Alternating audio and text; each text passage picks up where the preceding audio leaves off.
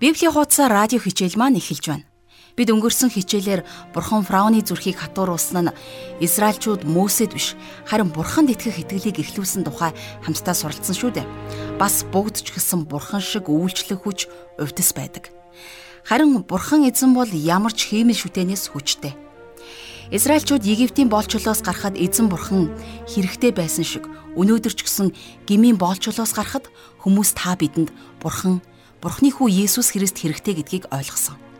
Харин өнөөдөр бид хамтдаа үргэлжлүүлэн Египтээс гарсан номын 8 дугаар бүлгийн 6 дугаар ишлэлээс 9 дугаар бүлгийн 7 дугаар ишлэлийг дуустал хамтдаа судлах болно. Ингээд хичээлээ эхлүүлэхээс өмнө Бурханд хандаж залбирцгаая. Эзэн минь, та багшаар дамжуулан өөрийнхөө үгийг бидэнд зааж хэлж өгч байгаад баярлалаа.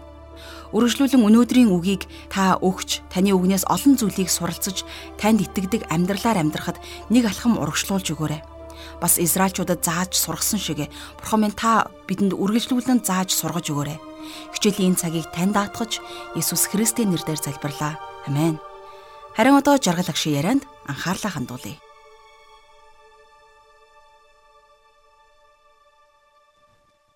За тэгэхээр өнөөдөр Египтээс гарсан номын 8 дугаар бүлгийн 6 дугаар ишлэлээр хичээлээ эхлэх гэж байна. Өнгөрсөн хичээлээр бид нар Бурхан Египтчүүдийг мэлхийгээр цогсон тухай үзсэн. За харин одоо Египтээс гарсан номынхон 8 дугаар бүлгийн 6-аас 7 дугаар ишлэлийг харцгаая. Аарон гараа Египтийн усан дээгүр сунгасанд мэлхийнүүд гарч ирээд Египтийн нутгийг бүрхэв. Илвчидж илбэрээ түн шиг үлдэж Египтийн нутагт мэлхий орууллаа. За энд дахиад Египтийн илвчид мэлхийн гамшигыг дуурайн үзүүлсэн байна. Тэгэхээр энэ нь бидний өмнө ярьж байсан сатанд хүч чадал байдгийг нотлон харуулж байгаа юм. Харин фараон хаан энэ үед ямар алхам хийснийг 8-аас 11-р ишлэлээр харцгаая. Фараон Мосе Аарон нарыг дуудаж надаас болон миний ард түмнээс мэлхийг зайлуулаач гэж эзнээс гуй.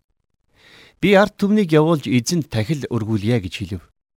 Мосе фараонд Таны болон таны зардснаар таны ард түмний төлөө гуйж та нараас болон гэрүүдээс чинь мэлхийг зайлуулан зөвхөн нийлд үлдээхийн төлөө би хизээ гуйхыг хэлэх завшааныг танд өгье гэв. Тэр маргааш гэж хэлв. Мосе бидний бурхан эзэн шиг нэгэн байхгүй гэдгийг танд мэдүүлэхийн тулд таны хэлснээр байх болтугай. Та болон танай гэрүүд таны түшмэд таны ард түмнээс мэлхий зайлж зөвхөн нийлдэл үлднэ гэж хариулваа гэсэн байна. За хэдийгээр Египтийн илвчид мэлхийнүүдийг олшруулж чадсан ч гэсэн тэд нар тэднийг зайлуулж чадаагүй гэдгийг тэмдэглэх нь зүйтэй. Фараоны сэтгэл үнэхээр унсан. Тиймээс тэр юу ч амлахад бэлэн байсан. За энэ үйл явдал нь бурхан фараон хаанд өөрийгөө хинбэ гэдгийг хүлээн зөвшөөрүүлэхэд хүргэдэг. За одоо харин 12-оос 15 дугаар ишлэлийг үргэлжлүүлэн харцгаая. Мосе Аарон нар фараоныхаас гараад фараонд учруулсан мэлхийн талаар Мосе эзнээс хашгиран гуйв. Эзэн Мосегийн үгийн дагуу үйлдэв. Мэлхийнүүд гэр хашаа болон талбайнуудаас гарч үхцгээв. Хүмүүс тэднийг цуглуулж овоолсонд газар өмхийрв. Гэвч амар амгалан болсныг фараон үзээд зүрхээ хатууруулж эзний айлдсанчлан тэднийг сонссонгүй. За энэ хэсэг бол бидэнд фараоны зүрхийг хатууруулсан талаар илүү ойлгомжтой дүр зургийг харуулдаг юм.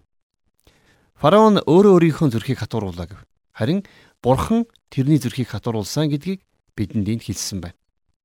За хэрвээ энэ удаад фараон Израильчуудыг явуулсан бол за тэд нар магадгүй Мосед итгэл үнэмшлээ өгөх байсан байх.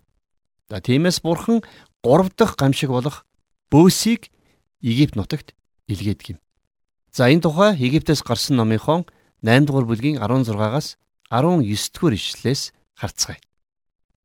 Эзэн Мосед Ааронд таягаа сунган газрын тоосыг цох.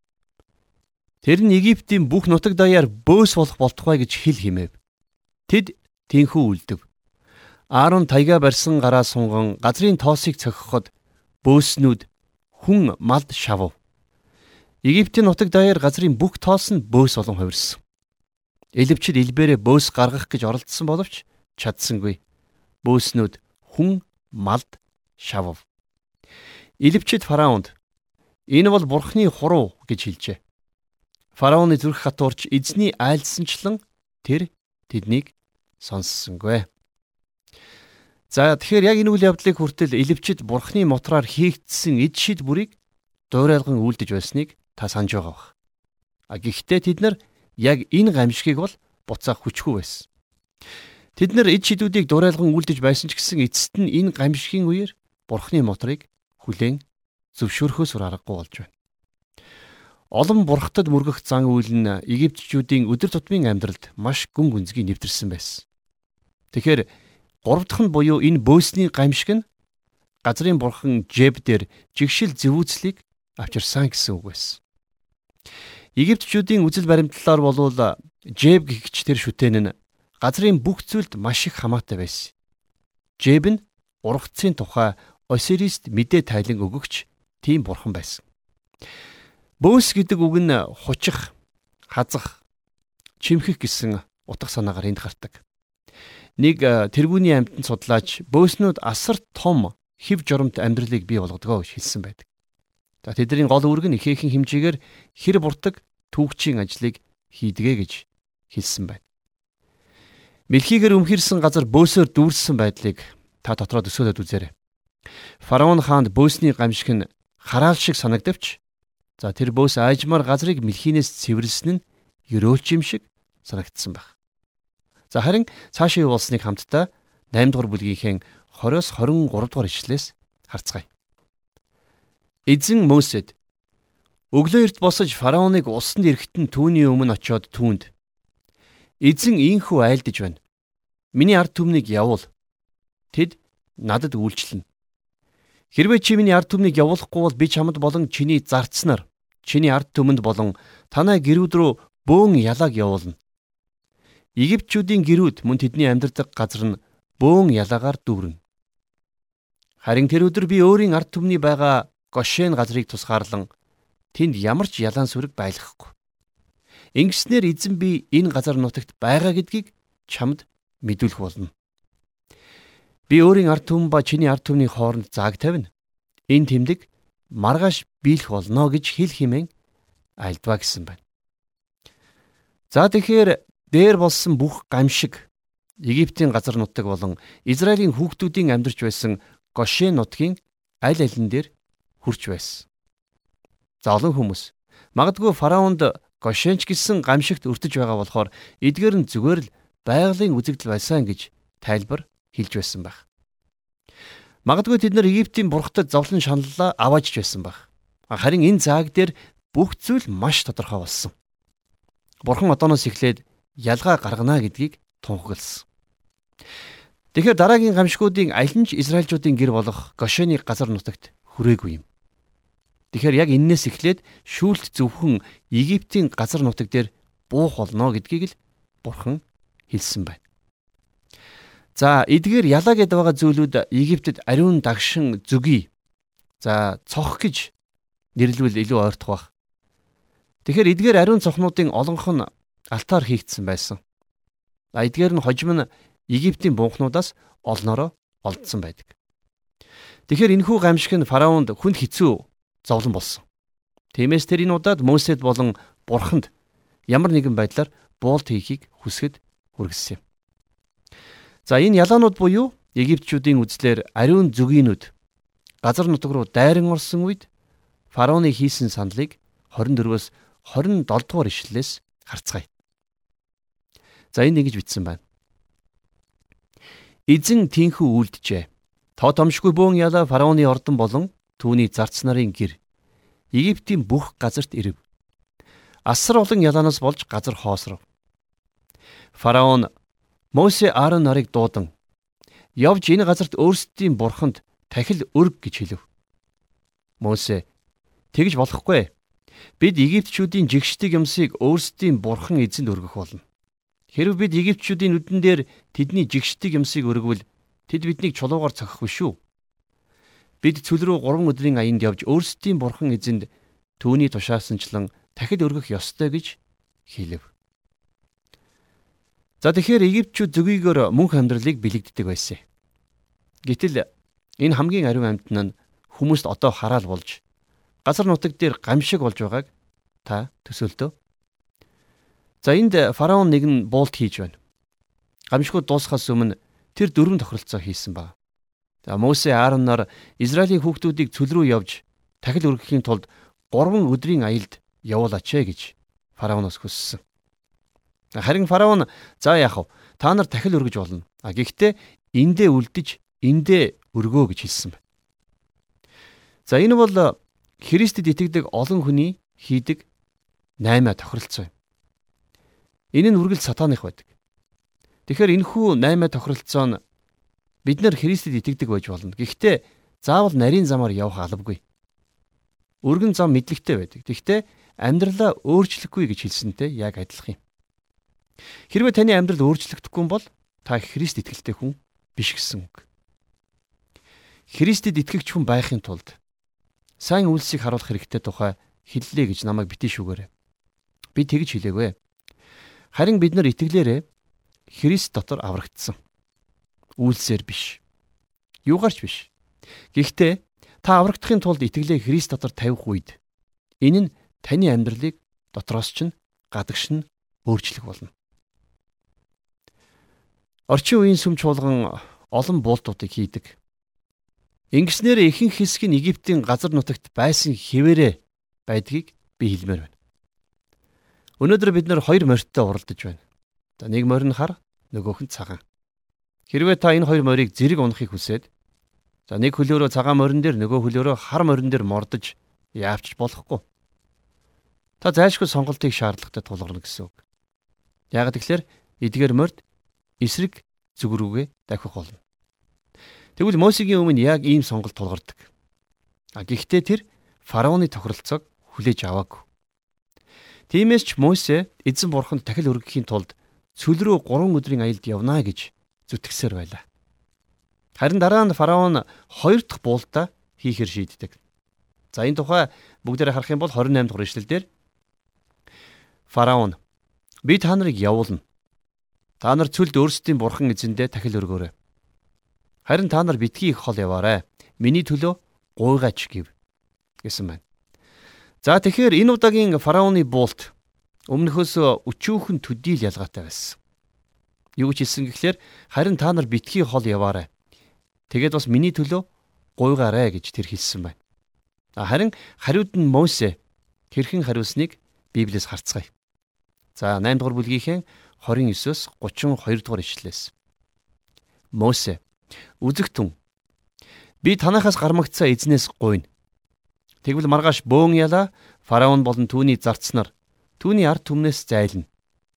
Харин фараон ард түмнийг эзэнд дахил өргүүлэхээр явуулалгүй дахин бүү мэхлээрэ гэж хэлв. Мосе фараоныхаас явж эзнээс гуйв.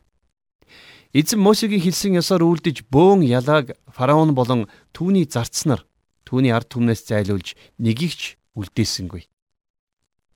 Гэвч фараон энэ удаач мөн зүрхээ хатууруулан ард түмнийг явуулсангүй. За ингээд бид нар Египтээс гарсан номынхон 9 дугаар бүлэг дээр ирсэн байна. Тэгэхээр 9 дугаар бүлэгт бурхан фараоны болон түүний хүмүүсийн зөрүү зүрхтээ үргэлжлүүлэн ажилласаар байсан. За фараон эзэн бурхнаас татгалцахын хэрээр Египтийн газар нутаг дээр болон за түүний оршин суугчдын дээр уур хилэн өвчин зовлон асгарах гэж байна. Бурхан өөрөө фараоны зүрхийг хатууруулсан. Фараон эзэн бурхныг таньж мэдхээс түүний хүсэл дуулууртай байхаас байнга татгалцсаар л байсан. Тэгэхээр эндээс бид нэр бурхан фараоны адилаар танд ч гэсэн бас өрөөлүүдэд асгаж таныг аврахыг хүсдэгэ гэдгийг харах боломжтой. Харин тэгвэл татгалцсан фараонд бурхан тав дахь гамшигыг илгээсэн тухай Египтээс гарсан номынхон 9 дугаар бүлгийн 1-ээс 7 дугаар ишлэлээс харцгаая. За ингээд хамтдаа Египтээс гарсан номынхон 9 дугаар бүлгийг нээцгээе. Эзэн Мосед фараонд очиж түүнд еврейчүүдийн бурхан эзэн ингэж айлдж байна. Миний ард түмнийг явуул тэд надад үйлчлэнэ. Хэрв чи тэднийг явуулахаас татгалзаж барьсаар байвал эзний мотор хээр байгаа чиний мал сүрэг, адуу, илчиг, тэмээ, үхэр хонин дээр чинь аимшигт тахал өвчнөөр бууна.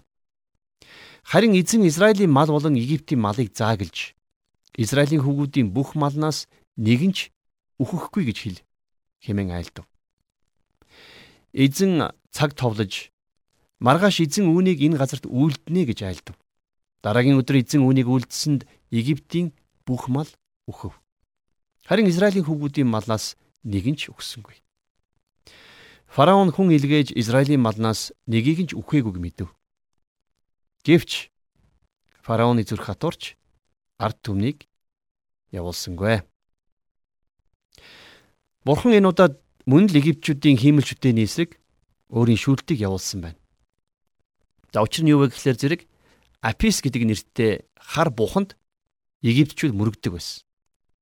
Гэтэл бурхан тэр шүтээнийг нь үгүй хийж Египтчүүдэд өөрийгөө жинхэнэ бурхан юм а гэдгийг дахин харуулж байна. Гэсэн хэдий ч фараон хаан Израильчуудыг явуулаагүй.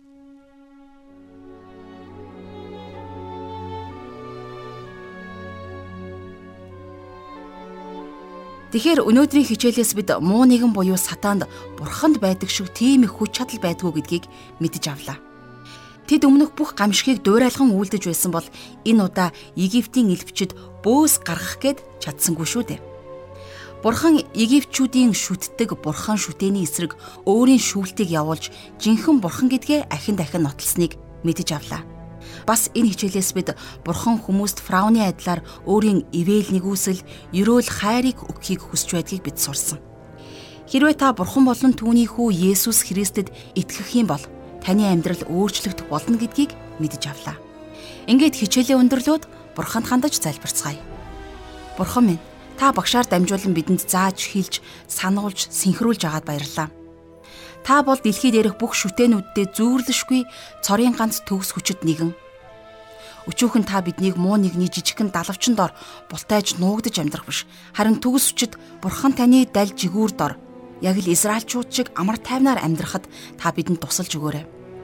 Та биднийг өөрийнхөө зөв баруун мутраар удирдан залж чиглүүлээрэй. Бид ирээдүйн цаг мөчөө тань даатгаж Иесус Христийн нэрээр залбирлаа. Амен.